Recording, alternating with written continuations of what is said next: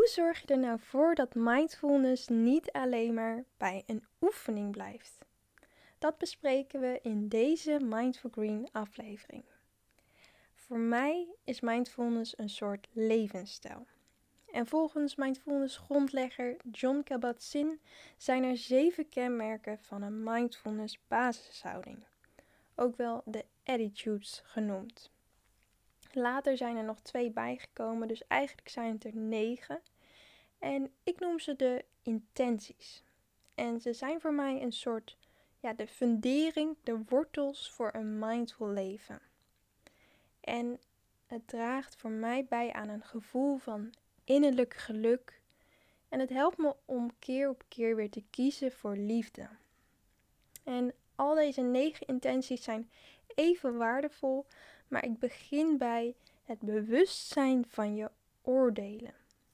Oordelen, dat is iets wat onze hersenen doen en het is heel menselijk.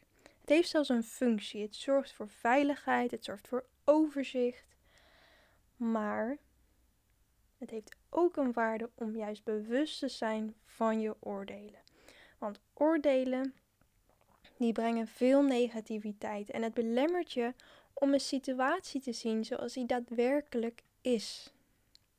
Hebben zo snel al een oordeel paraat over alles wat er gebeurt. Over onszelf, over, over hoe iets of iemand eruit ziet en het is vaak nergens op gebaseerd. Het is ook geen waarheid, het zijn gedachten en het helpt mij om te beseffen deze gedachten is een oordeel. Of ik weet het hele verhaal niet. Het verhaal heeft altijd minstens twee kanten. Of ik zie maar een klein deel. Laatst stond ik bij de kassa en de vrouw achter mij die sloot niet aan zodat ja, mensen er nog even langs konden. De vrouw achter haar die vond dat ze juist wel moest aansluiten en ging tegen haar schreeuwen. Nou, nou dat de vrouw achter mij nog steeds niet ging aansluiten, deed deze mevrouw dat zelf en piepte dus voor. Ik merkte dat ik oordelen over deze vrouw had. Ik dacht, wat een onaardige en misschien zelfs wel arrogante vrouw. Ik fietste naar huis en ja, het bleef toch wel een beetje hangen. Bij thuiskomst werd ik mij bewust dat deze gedachten oordelen waren. Alleen maar gebaseerd op dat momentje in de supermarkt. En ik hoef het echt niet goed te keuren, maar tegelijkertijd weet ik haar verhaal niet. Ik weet niet waar ze doorheen ging of waarom ze zich zo gedroeg. En hierdoor kreeg ik toch een gevoel van compassie voor haar.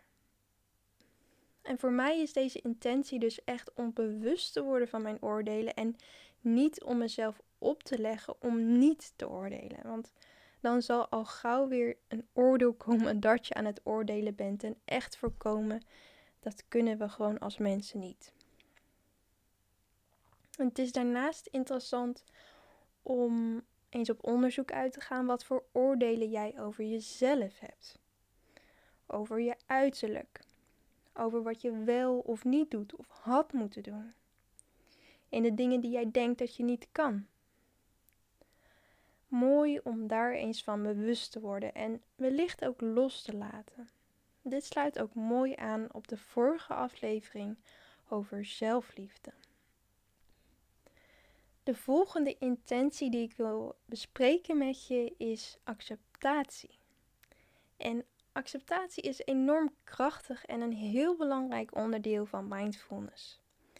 Het betekent dat je de situatie accepteert zoals die op dit moment is.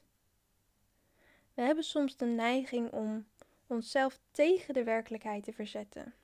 Zeker als je door een moeilijke periode heen gaat of iets gebeurt wat je een andere verwachting of hoop over had dan is het lastig, maar nog waardevoller om de situatie te accepteren zoals die is. En je zult merken dat je daardoor veel meer rust ervaart en dat je dit helpt om juist door deze periode heen te komen. En ook kun je acceptatie toepassen op je gedachten en je emoties. Voel je je bijvoorbeeld boos of verdrietig of geïrriteerd, maar wil je je niet zo voelen? Heb je gedachten die je niet zou willen hebben? Accepteer dat je je zo voelt of dat je zo denkt op dit moment. The best thing you can do when it rains is to let it rain. Heel toepasselijk over de laatste tijd trouwens, waar we zo herfstige zomer uh, hebben gehad. En ook de intentie loslaten, de derde die ik nu benoem, sluit hierbij mooi aan. Laat los hoe jij denkt dat je zou moeten voelen of denken en hoe een situatie zou moeten zijn. Laat zijn wat is. Loslaten is ook iets heel natuurlijks, zoals de bomen die in de herfst de bladeren loslaten, of hoe je lichaam de lucht die je hebt ingeademd weer loslaat door het uit te ademen. En de volgende intentie is niet streven. Of misschien zelfs beter bewustzijn van je streven. Streven ergens naartoe of een doel hebben is iets wat in onze maatschappij heel normaal is. We zijn altijd bezig met iets wat we willen bereiken. Een bepaald moment in de toekomst waar we naartoe aan het werken zijn. Dit kan gaan over een droomhuis, een bepaald gewicht, een, een bepaald inkomen, een sportprestatie. En het is allemaal heel mooi en ook mooi om naar je verlangens te luisteren en om je droomleven te realiseren. Maar het gevaar is dat je altijd onderweg bent. En als je dan je eindbestemming of je doel hebt bereikt, dat je dan weer naar de volgende gaat. Of zelfs dat je je geluk en je rust, je plezier van dat moment in de toekomst laat afhangen. Je hebt dan geen aandacht meer voor wat je nu hebt. En je kunt ook niet genieten van de kleine dingetjes in het leven, van het proces en dankbaar zijn voor wat je hebt. Jeffrey en ik hebben ook een verlangen voor de toekomst en dat is om naar het Franstalige gedeelte van Ardennen verhuizen. En ik vind het heerlijk om hiermee bezig te zijn en om dit te realiseren, maar ik let er wel op dat ik mezelf hierin niet verlies. En deze intentie helpt mij om aandacht te hebben voor wat ik nu heb en volledig in het hier en nu te leven en niet mijzelf te verliezen in gedachten over de toekomst. Daarnaast kun je alleen in het nu actie ondernemen en stappen zetten. De kracht ligt altijd in het nu.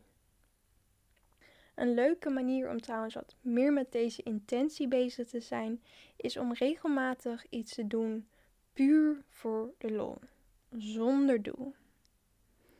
Ik krijg dan nog wel eens de gedachte naar boven: ja, maar ik moet toch iets doen wat nuttig is. En dat is iets wat ik steeds vaker loslaat. Een mooie intentie die aansluit bij het niet streven is geduld hebben.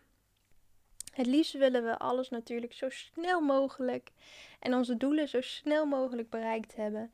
En uh, volgens mij is het tegenwoordig zelfs mogelijk om dezelfde dag al je bestelling te laten bezorgen. Dus alles kan ook steeds sneller en sneller. En daar wen je aan en worden we stiekem eigenlijk allemaal ook wat ongeduldiger van. En als je dan merkt dat je ongeduldig voelt, bijvoorbeeld als je een antwoordje verwacht op een mailtje of een berichtje, of als je wacht op het verkeer, de trein, iets, iets op je werk, besef je dan dat ongeduld betekent dat je wilt dat iets sneller gaat. En accepteer dat iets een bepaald tempo heeft. En dat sommige dingen, die kun je niet versnellen. Daar kan je niks aan doen. Maak gebruik van zo'n wachtmomentje om te vertragen. En dit moment volledig te ervaren. Sta je bijvoorbeeld in de rij? Neem dit moment om even bewust te zijn van je ademhaling of bewust te zijn van hoe je je op dit moment voelt. Afgelopen winter, eh, begin voorjaar, heb ik ertjes gezaaid in mijn kas. Veel mensen die doen dat bijvoorbeeld op de vensterbank of op een warmtematje. En zo ook mijn moeder en al vrij snel ontkiemde bij haar de ertjes. Bij mij duurde het meer dan twee weken voordat het ontkiemde. Ja, ik voelde wel, ik moet geduld hebben en ik werd ook beloond met hele mooie plantjes. Die juist heel stevig en sterk waren door de tijd die ze hadden gekregen en door de koude temperaturen waarmee ze waren opgegroeid. Ik vond dat weer een heel mooi leer- en besefmomentje. Mijn, mijn favoriete quote die hierover gaat en waar ik mezelf ook regelmatig aan herinner, is: De natuur die heeft geen haast. En toch komt alles voor elkaar. Een beginnersblik. Dat is de volgende intentie. Ik heb zelf een neefje en een nichtje. En die zie je soms echt met hele grote ogen ergens naar kijken en dit met een open blik opnemen. Wij als volwassenen die denken al heel veel te weten en alles eigenlijk wel gezien te hebben. Terwijl alles, de natuur, is continu in verandering. Niets is ieder moment hetzelfde. Dus zet je gekleurde bril af en bekijk de wereld met een open blik. In the beginner's mind, there are many possibilities, but in the expert mind, there are just a few. In mijn wandelmeditaties zeg ik ook wel eens: kijk om je heen, alsof je alles voor de eerste keer ziet. Laat je verwonderen door al het moois om je heen. Daarnaast staat vertrouwen hebben ook in het lijstje van intenties. Voor mij betekent dit vertrouwen dat het nu precies is zoals het zou moeten zijn. Vertrouwen dat wat er ook op mijn pad komt, ik het aan kan, ook als leven moeilijk is. Vertrouwen in mijzelf, in mijn intuïtie, in de natuurlijke wijsheid en helende vermogen van mijn lichaam. Vertrouwen in welke keuze ik ook maak, dat dat de juiste is. Vertrouwen in mijn emoties, in mijn gedachten, in wat het mij wil vertellen. Vertrouwen in de mensen om mij heen. Vertrouwen in de natuur. En de twee laatste intenties die John Kabat-Zinn er later bij heeft toegevoegd zijn dankbaarheid en vrijgevigheid. Een hele mooie aanvulling. Dankbaarheid is zo krachtig en heeft net als mindfulness veel bewezen voordelen. Dankbaarheid zorgt ervoor dat je je aandacht shift naar wat je wel hebt op dit moment.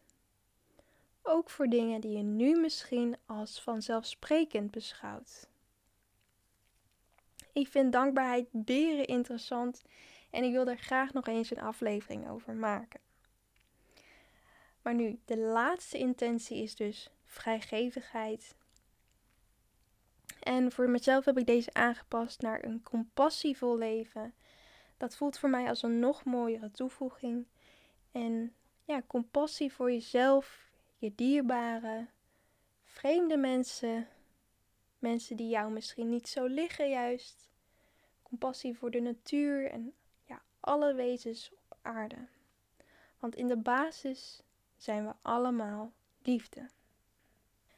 Even terugblikken de negen intenties waren bewustzijn van je oordelen, acceptatie, loslaten, niet streven of bewustzijn van je streven, geduld hebben, beginnersblik, vertrouwen, dankbaarheid en compassie. En de meeste hiervan die komen ook terug in mijn wandelmeditaties, omdat ik het een hele mooie ja, hele mooie intenties vindt. En voor mij dus ook veel betekent. Enorm bedankt voor het luisteren. En vond je mijn podcast of vind je mijn podcast nou waardevol of interessant? Dan zou ik het enorm leuk vinden en waarderen als je een review of een aantal sterren wil achterlaten. Dit kan in iTunes en dit kan in Spotify. Heel veel liefs en graag tot de volgende aflevering.